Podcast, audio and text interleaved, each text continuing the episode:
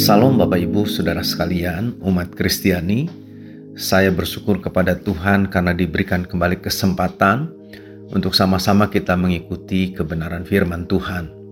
Saya percaya ini bukan kebetulan, tapi inilah kehendak Tuhan bagi kita. Bukti bahwa Dia mengasihi kita, Dia ingin agar setiap kita boleh hidup di dalam kebenaran-kebenaran firman. Itu sebabnya saudara, mari kita mau berdoa, kita minta supaya Tuhan mengurapi, menolong kita mengerti firman-Nya. Mari kita berdoa saudara. Tuhan Yesus gembala kami yang baik, berterima kasih kami kepadamu untuk anugerah kebaikan yang Tuhan nyatakan bagi kami. Hari ini kami ada oleh karena Tuhan, kami diberkati, kami sehat dan kami kuat, semua karena kemurahan-Mu ya Tuhan. Terima kasih buat saat ini, kembali kami akan dengar kebenaran firman-Mu. Urapi kami, tolong kami, mampukan kami untuk kami dapat mengerti firman-Mu.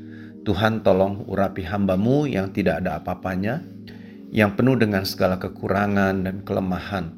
Biarlah urapan, pertolongan Tuhan memampukan hambamu untuk dapat menyampaikan setiap kebenaran firman seperti yang kau mau ya Tuhan. Sehingga seluruh pendengar mereka diberkati, dikuatkan, dan mereka boleh hidup seturut dengan kehendakmu dan namamu dipermuliakan. Terima kasih Tuhan, kami siap mengikuti, menerima setiap kebenaran firman di dalam nama Tuhan Yesus Kristus. Haleluya, haleluya, amin. Bapak Ibu, Saudara yang kekasih dalam Tuhan, pada sore hari ini saya ingin berbicara dengan tema melakukan kehendak Tuhan.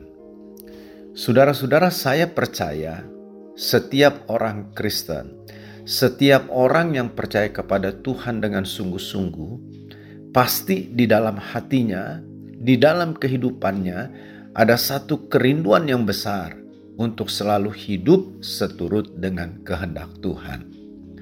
Menurut saya itu pasti, saudara. Jadi, saudara, ada kerinduan yang besar bagaimana saya hidup, melakukan, berbuat segala sesuatunya itu seturut dengan kehendak Tuhan. Bapak, ibu, saudara sekalian, ketika kita berbicara tentang kehendak Tuhan, saya memahami seperti yang pernah dalam art, satu artikel yang saya baca. Jadi, dituliskan begini, saudara: ketika kita bicara kehendak Tuhan, ada dua hal yang perlu kita mengerti. Yang pertama adalah satu kehendak Tuhan yang boleh dibilang satu ketetapan dan saudara, kondisi itu mau tidak mau harus terjadi, harus kita terima, kita alami. Contoh saudara, tentang kelahiran kita. Kita tidak bisa memilih saya ingin lahir melalui keluarga ini atau saya ingin lahir di daerah sana. Tidak bisa. Tapi itu adalah sebuah keputusan, ketetapan yang sudah Tuhan tetapkan bagi setiap pribadi.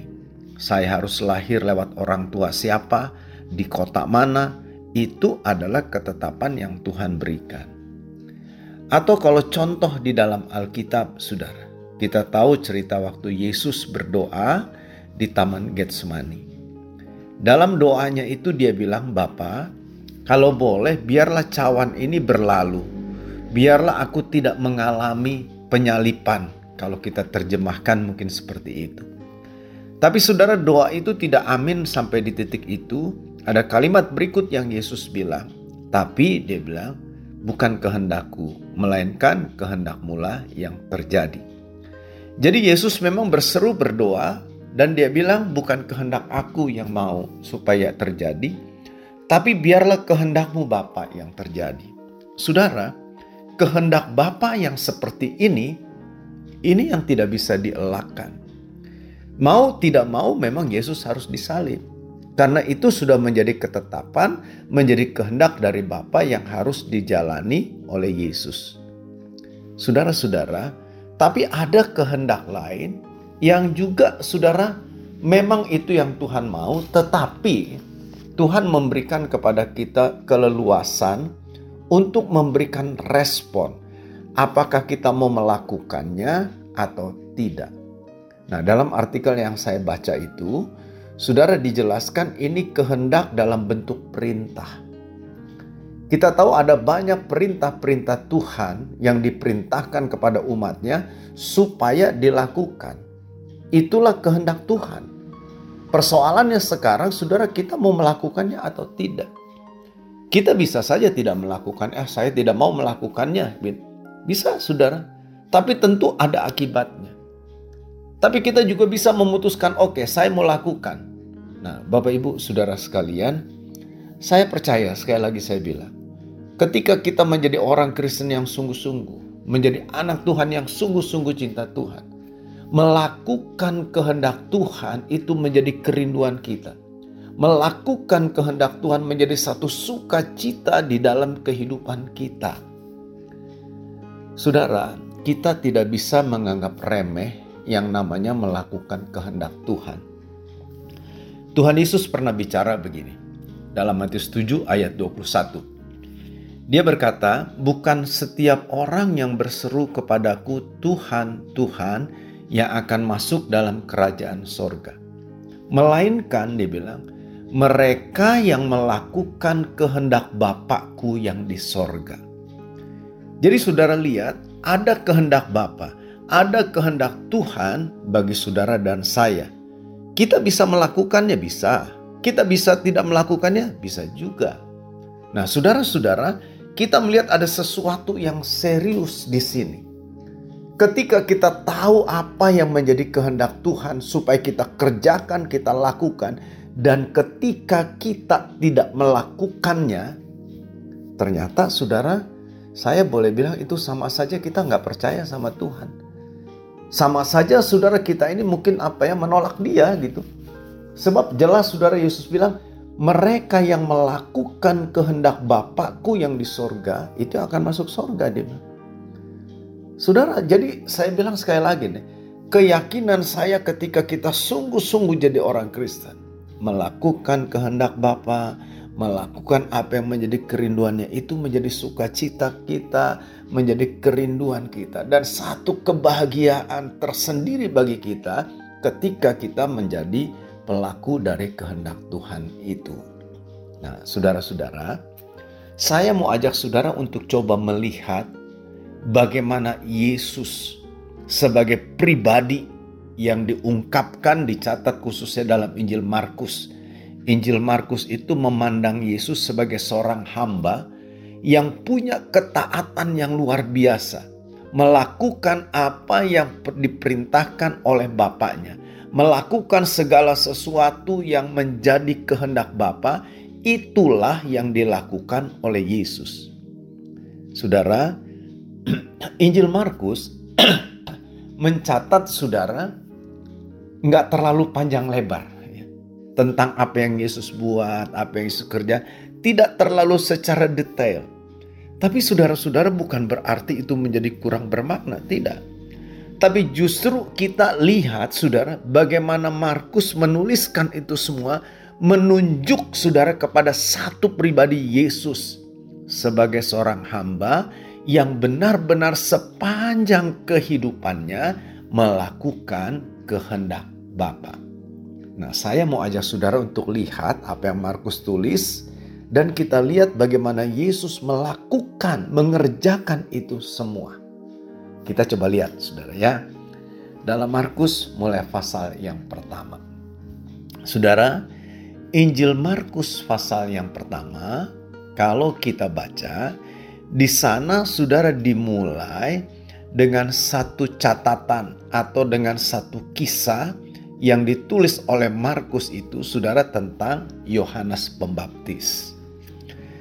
Jadi saudara-saudara setelah menulis tentang Yohanes Pembaptis lalu kita lihat saudara di dalam perikop berikutnya mulai ayat yang ke-9 apa di sana dicatat Yesus dibaptis oleh Yohanes. Saudara-saudara kita tahu dalam bagian lain dijelaskan Yesus dibaptis pada usia 30 tahun. Jadi saudara-saudara Markus menulis ini begitu singkat, tidak panjang lebar. Ya.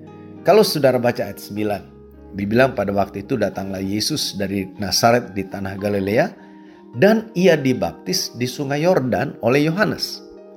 Pada saat ia keluar dari air, ia melihat langit terkoyak dan roh seperti burung merpati turun ke atasnya. Lalu terdengarlah suara dari sorga. Inilah anak, engkaulah anakku yang kukasihi, kepadamulah aku berkenan. Saudara-saudara ini hal yang kita tahu, saya yakin sudah pernah baca ngerti ini kan. Jadi dikatakan waktu itu Yesus dibaptis. Dan setelah dibaptis, dia melihat langit itu terbuka. Lalu ada suara, engkaulah anakku yang kukasihi, kepadamulah aku berkenan. Saudara-saudara, baptisan yang diterima oleh Yesus memang berbeda maknanya dengan baptisan yang kita terima. Saudara, saya tidak mau mempersoalkan atau tidak mau membahas tentang masalah makna baptisan Yesus dan makna baptisan kita. Pasti memang itu berbeda. Yesus dibaptis bukan karena dia berdosa lah sebagai tanda pertobatannya, maka dia dibaptis. Bukan itu. Tapi jelas dikatakan dalam Injil lain, baptisan Yesus itu merupakan sebuah penggenapan. Baptisan Yesus itu merupakan se, uh, penggenapan akan apa yang menjadi kehendak Allah. Saya baca dalam Matius pasal 3 ayat 15.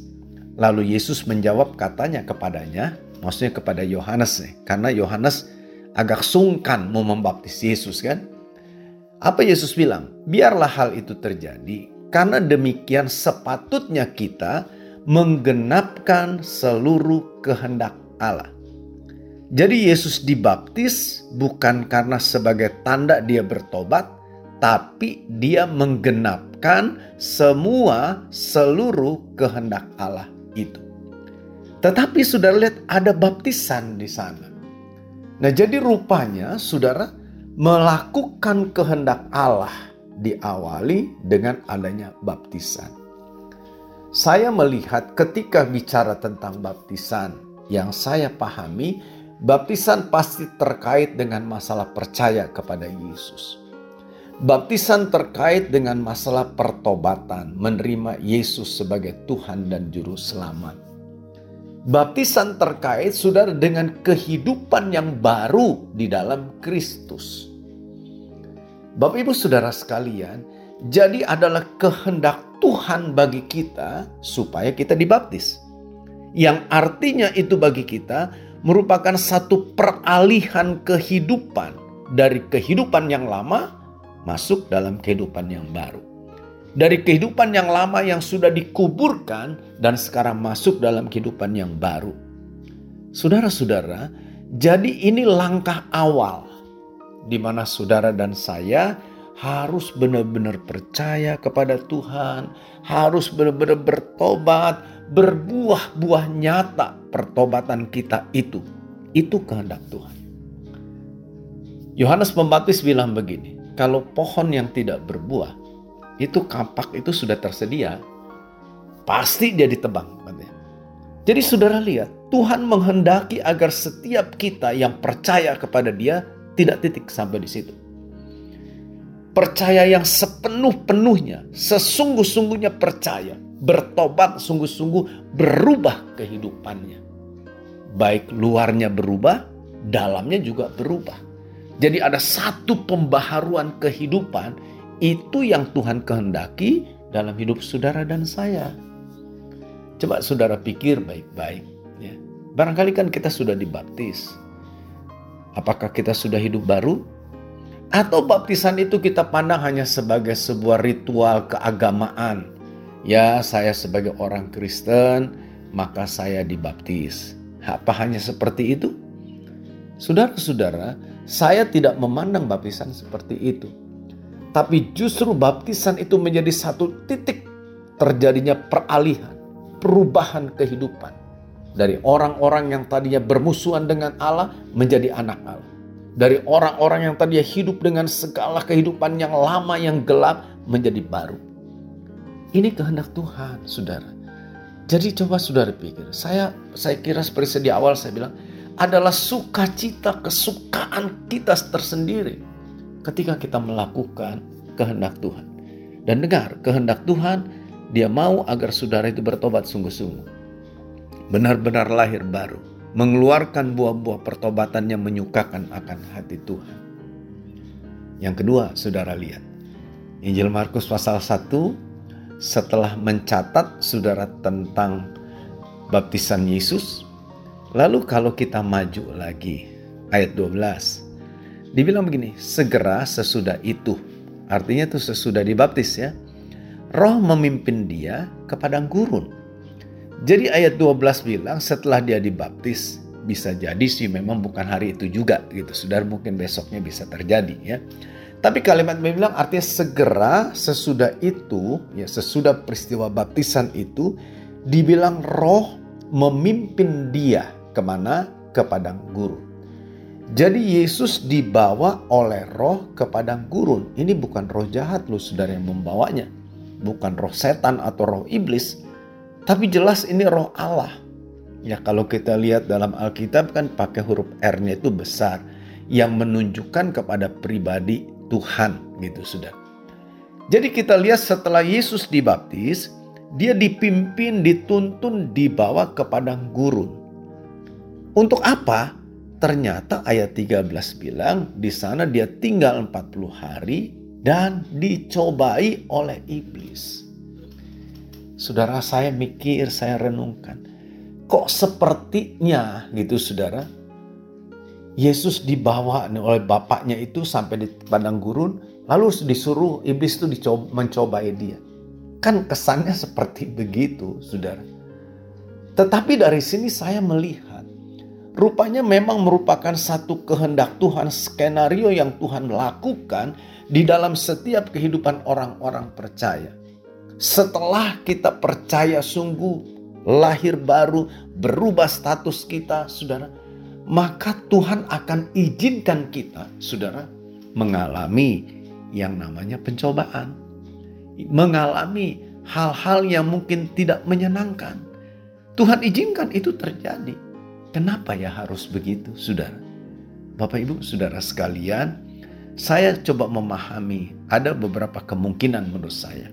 Yang pertama, untuk memper, apa ya, memperlihatkan untuk melihat sejauh mana keseriusan kita dalam mengikut Tuhan.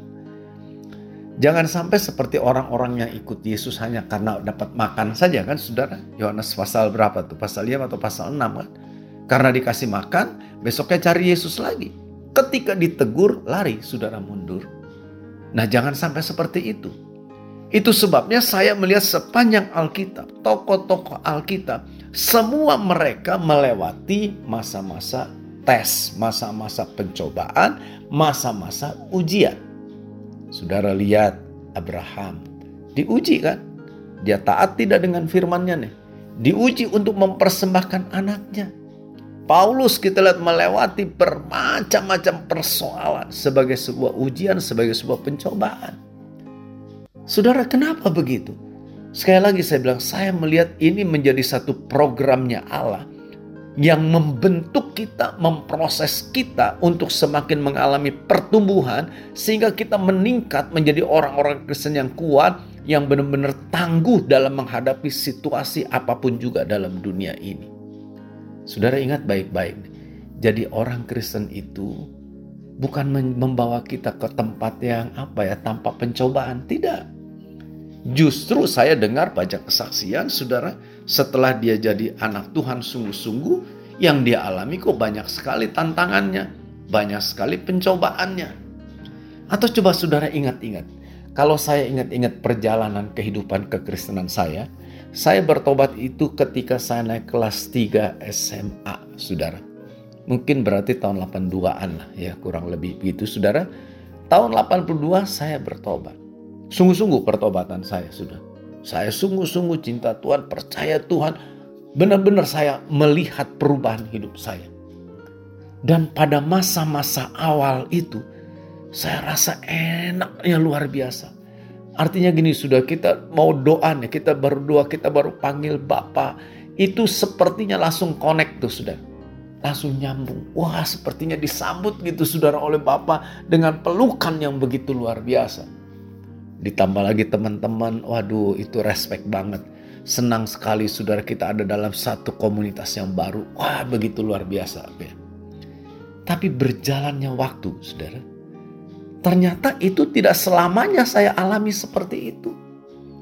Kita kadang kala berdoa, berseru, panggil Bapak sambil nangis, tapi sepertinya nggak ada jawaban apa-apa, nggak nyambung-nyambung gitu, sudah. Oh saya ngalami seperti itu. Lalu saya melihat terjadi perubahan-perubahan sikap dari teman-teman. Saya nggak tahu bisa jadi mungkin karena saya juga sudah tidak menyenangkan lagi bisa jadi juga begitu. Tapi artinya saudara lihat saya mengalami masa-masa yang boleh dikatakan jadi tidak menyenangkan. Kenapa ya bisa seperti itu? dari apa yang Yesus alami ini, saya memahami, saya mengerti. Ternyata itu memang menjadi sebuah kehendak Tuhan. Supaya apa? Benar-benar membersihkan kehidupan kita. Saya tahu saudara pembersihan dalam hidup kita ini itu bukan sesuatu yang instan sifatnya. Lewat sebuah proses dari hari ke hari, dari hari ke hari. Dibersihkan, dibersihkan, dibersihkan terus. Dan itu nggak enak memang sudah. Tuhan Yesus bilang ranting yang berbuah itu dia akan terus dibersihkan. Supaya lebih banyak berbuah. Jadi proses pembersihan itu seperti akan terus berlangsung, berlangsung semakin baik, semakin baik. Saudara-saudara, dan saya mau bilang, itulah kehendak Tuhan. Bagi setiap kita. Menurut saya setiap kita orang Kristen yang sungguh akan mengalami proses itu. Sikap kita, saudara, mari kita relakan saja hidup kita. Berserah penuh ke dalam tangan Tuhan. Dan saya mau katakan dengan sungguh, ketika kita berserah penuh dalam tangan Tuhan, seberat apa pun proses yang kita alami, kita akan tetap ada dalam perlindungan Tuhan. Kita akan tetap ada dalam dekapan kasih Tuhan. Itu luar biasa, sudah. Jadi jangan karena tantangan, karena ujian-ujian lalu kita jauh menjauh dan mundur. Jangan, saudara. Kalau saudara lihat Yesus, dia disuruhkan saudara oleh iblis merubah batu jadi roti, menjatuhkan diri dari bumbungan bait Allah, dijanjikan akan diberi kekayaan, kemuliaan dunia ini asal mau menyembahnya. Tapi kita lihat Yesus tidak menuruti itu. Bagaimana dia tidak menuruti? Kita tahu dia tetap berpegang teguh kepada firman. Artinya di tengah-tengah pencobaan yang dialami itu, di tengah-tengah proses yang sedang dialami, Yesus tetap melekat dengan firman. Tidak terpisahkan. Tidak saudara dia semakin jauh. Wah karena nggak enak nih susah. Lalu dia coba sudah kecewa dia tinggal gitu. Enggak. Jadi Bapak Ibu Saudara sekalian proses kehidupan, pembentukan kehidupan itu telah menjadi ketetapan Tuhan bagi setiap umatnya. Saya mau katakan sekali lagi, tidak ada tokoh-tokoh Alkitab yang tidak mengalami proses itu. Bangsa Israel lewat padang guru. Yusuf melewati begitu banyak tantangan pengujian-pengujian sampai akhirnya dia naik di puncak sebagai pimpinan orang nomor dua di Mesir. Semua, saudara, kita lihat, saudara, Penolakan-penolakan terjadi dialami oleh Paulus, oleh Petrus, murid-murid Yesus yang lain. Semua merupakan sebuah ujian. Persoalannya saudara perlu ngerti. Tuhan izinkan bahkan Tuhan bawa kita masuk ke sana menjadi kehendak Tuhan itu. Supaya apa? Supaya kita nih menjadi bejana yang baik. Supaya hidup kita mengeluarkan buah yang lebih banyak, lebih banyak, dan lebih banyak supaya kita menjadi perabot yang memiliki nilai yang spektakuler, yang tinggi, yang luar biasa. Itu yang Tuhan mau. Itu sebabnya relakan dirimu. Rela, sungguh-sungguh serahkan hidupmu kepada Tuhan. Nggak enak, memang nggak enak. Susah, memang susah. Tapi percayalah, Tuhan tidak akan pernah mengizinkan pencobaan-pencobaan melampaui kekuatan kita. Nggak akan. Bahkan ayat itu bilang, kalau kita berseru kepadanya di tengah pencobaan, dia akan memberikan jalan keluar bagi kita. Jadi tetap kuat, relakan dirimu. Karena itu adalah bagian dari kehendak Tuhan memproses hidup kita supaya lebih baik. Yang ketiga, saudara lihat apa yang dilakukan oleh Yesus setelah melewati pencobaan itu. Sekarang dia tampil. Dikatakan judul perikopnya, Yesus tampil di Galilea. Ngapain dia tampil di Galilea? Saudara dikatakan dia memberitakan Injil Allah. Jadi kalau saudara lihat sebelum dia memberitakan Injil, itu proses pertama baptisan, proses kedua uh, pembentukan, pencobaan, baru dia tampil.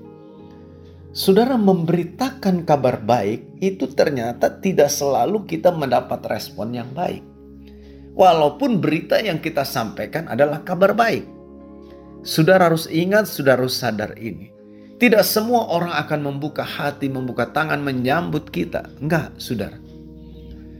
Bisa saja kita mengalami penolakan-penolakan.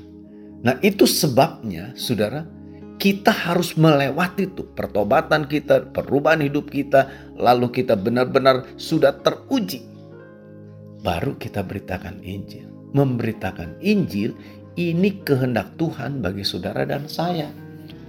Jadi ini bukan hanya tugas pendeta, bukan hanya tugas penginjil, tapi tugas setiap kita. Inilah ketetapan kehendak Tuhan supaya kita memberitakan Injil, kabar baik itu. Saudara-saudara, saya renungkan, kenapa sih ya kok Injil yang harus diberitakan? Ternyata Alkitab bilang begini.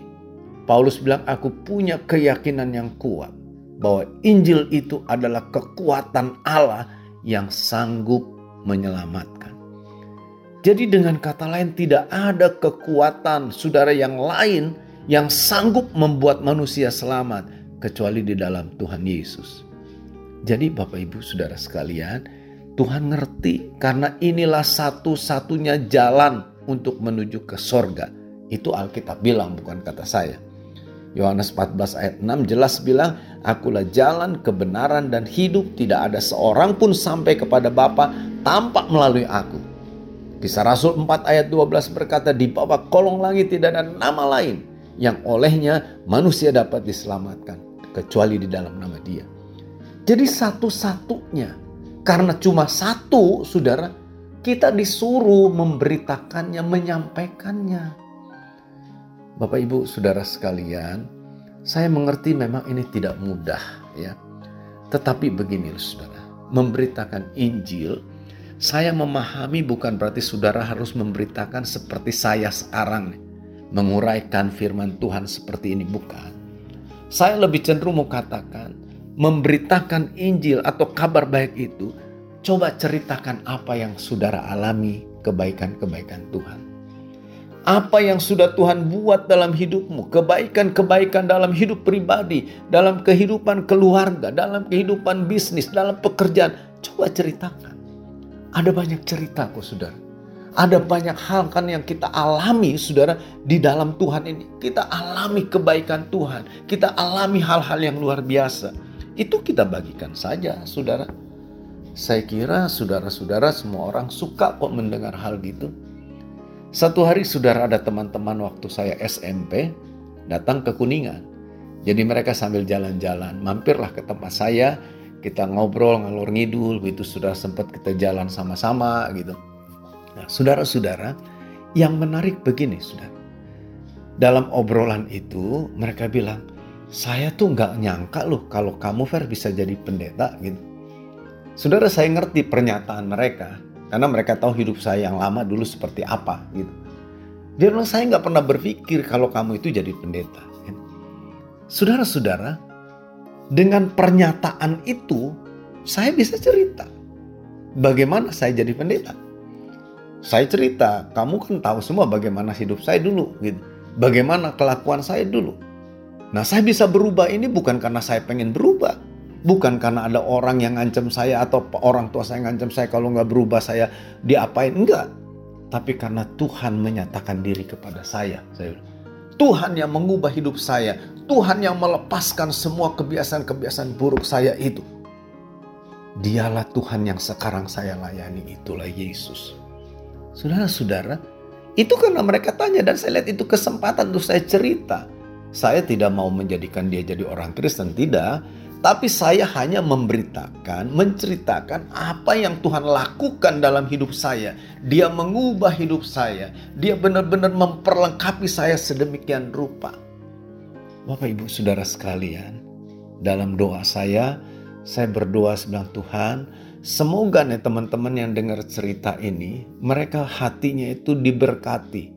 Hatinya tuh terganggu dalam arti positif tentunya saudara. Saudara-saudara, Sampai hari ini nih ada satu teman, seorang ibu perempuan, waktu teman SMP itu, berapa hari lalu saudara, oh waktu yang lalu dia sering WA saya, dia bilang, Fer, tolong doakan saya ya. Rupanya dia sakit saudara. Tolong doakan saya nanti supaya kita bisa ketemu lagi gitu saudara. Nah kemarin saudara hari Jumat itu saya WA dia, saya tanya bagaimana kabarnya. Saya bilang sama dia gini, saya percaya Tuhan akan sembuhkan kamu dengan sempurna. Karena Tuhan mengasihimu. Saudara dia ucapkan terima kasih. Artinya saudara sampaikanlah apa yang Tuhan buat, yang Tuhan lakukan di dalam kehidupan kita. Itu kabar baik saudara. Dan kita lihat saudara Tuhan bisa bekerja kok lewat hal seperti itu. Jadi jangan pernah pikir, wah nanti bagaimana ya gitu. Wah mereka nggak mau bertobat, mereka nggak mau percaya. Saudara itu bukan urusan kita gitu. Tapi yang lebih sederhana saya bilang, Tuhan cuma suruh kita sampaikan saja, cerita saja. Selanjutnya itu terserah Tuhan seperti apa. Jadi ingat, Tuhan menghendaki kita memberitakan Injil Kerajaan Allah. Yang terakhir yang saya mau bilang, kalau kita baca terus, saudara, setelah peristiwa penginjilan itu, Yesus memanggil murid-muridnya. Dia ketemu sama Simon, dia ketemu sama Andreas. Kenapa Yesus panggil mereka? Saudara Yesus ngerti, tidak bisa dia menyelesaikan, menjangkau pemberitaan Injil ke seluruh dunia ini dilakukan seorang diri, nggak bisa. Itu sebabnya dia pilih murid-murid ini. 12 orang dipilih, ditetapkannya, diajar oleh dia. Setiap hari belajar, dimuridkan. Saudara-saudara, ingat nih baik-baik. Yesus ngerti strategi di sini. Nggak mungkin seorang diri bisa selesaikan tugas yang besar itu. Dia ambil orang-orang, dia pilih, dia ajar, dia latih, dia bentuk sedemikian rupa. Ditugaskan. Sampai hari ini kita lihat. Kalau kita boleh jadi umat Tuhan, itu salah satunya karena peran dari murid-murid Yesus yang sudah diajar, sudah dimuridkan. Jadi saudara Tuhan mau kita belajar untuk memuridkan orang lain. Sehingga mereka juga nanti bisa menjadi pribadi yang memuridkan orang lain. Pekerjaan ini terlalu besar. Tugas ini terlalu besar, sudah. Nggak mungkin kita sanggup melakukan sendiri. Kekuatan kita terbatas, masa hidup kita terbatas, segala sesuatunya selalu terbatas. Tapi ingat, ketika kita mulai berjejaring, kita mulai memuridkan orang-orang, kita bina mereka, kita ajar mereka firman, kita lengkapi mereka. Dan biarlah mereka akan keluar terus akan seperti itu. Bapak Ibu, Saudara sekalian, kenapa? Karena Tuhan menghendaki Tuhan merindukan tidak ada seorang pun juga yang binasa. Tapi setiap orang mereka boleh diselamatkan. Ini kerinduan Tuhan. Jadi saudara-saudara ingat sebagai orang yang percaya sungguh-sungguh, melakukan kehendak Bapa adalah kesukaan. Melakukan kehendak Bapa adalah sebuah kerinduan yang besar yang harusnya ada membara terus dalam hati ini. Saya berdoa setiap kita yang dengar kebenaran firman, diberkati, diubahkan oleh kuasa firman, sehingga kita menjadi pribadi-pribadi yang hidup senantiasa melakukan kehendak Bapa. Tuhan Yesus berkati kita semua. Amin. Mari kita berdoa, saudara. Terima kasih buat kebenaran firman-Mu. Biarlah kiranya firman ini mengubah hidup kami, membawa kami menjadi pribadi-pribadi yang rindu selalu hidup di dalam kehendak-Mu. Tuhan, tolong kami, urapi kami, mampukan kami untuk melakukan apa yang menjadi kehendak Tuhan. Hamba berdoa, Berkatmu turun atas setiap pendengar yang sudah mengikuti siaran hari ini. Berkati mereka. Dalam nama Yesus diberkatilah engkau. Kalau ada pendengar yang sedang terbaring sakit, hamba berdoa dalam nama Yesus kuasa Tuhan turun menyembuhkannya. Kalau ada mereka yang sedang berlemah, letih, lesu, berbeban berat, berikan kekuatan, berikan kemampuan untuk menanggung segala sesuatunya sehingga mereka boleh mengalami kelegaan dalam hidup ini. Terima kasih Tuhan, sekali kami bersyukur buat kebaikan yang Tuhan nyatakan. Berkatmu turun atas setiap kami, setiap kota bahkan bangsa kami semua diberkati. Hamba-hambamu, anak-anakmu, gereja-gerejamu semua diberkati Tuhan. Dipakai menjadi alat dalam tangan Tuhan yang senantiasa menyenangkan dan memuliakan Tuhan. Terima kasih Bapa, segala pujian, segala hormat bagimu. Di dalam nama Yesus. Haleluya, haleluya. Amin. Amin.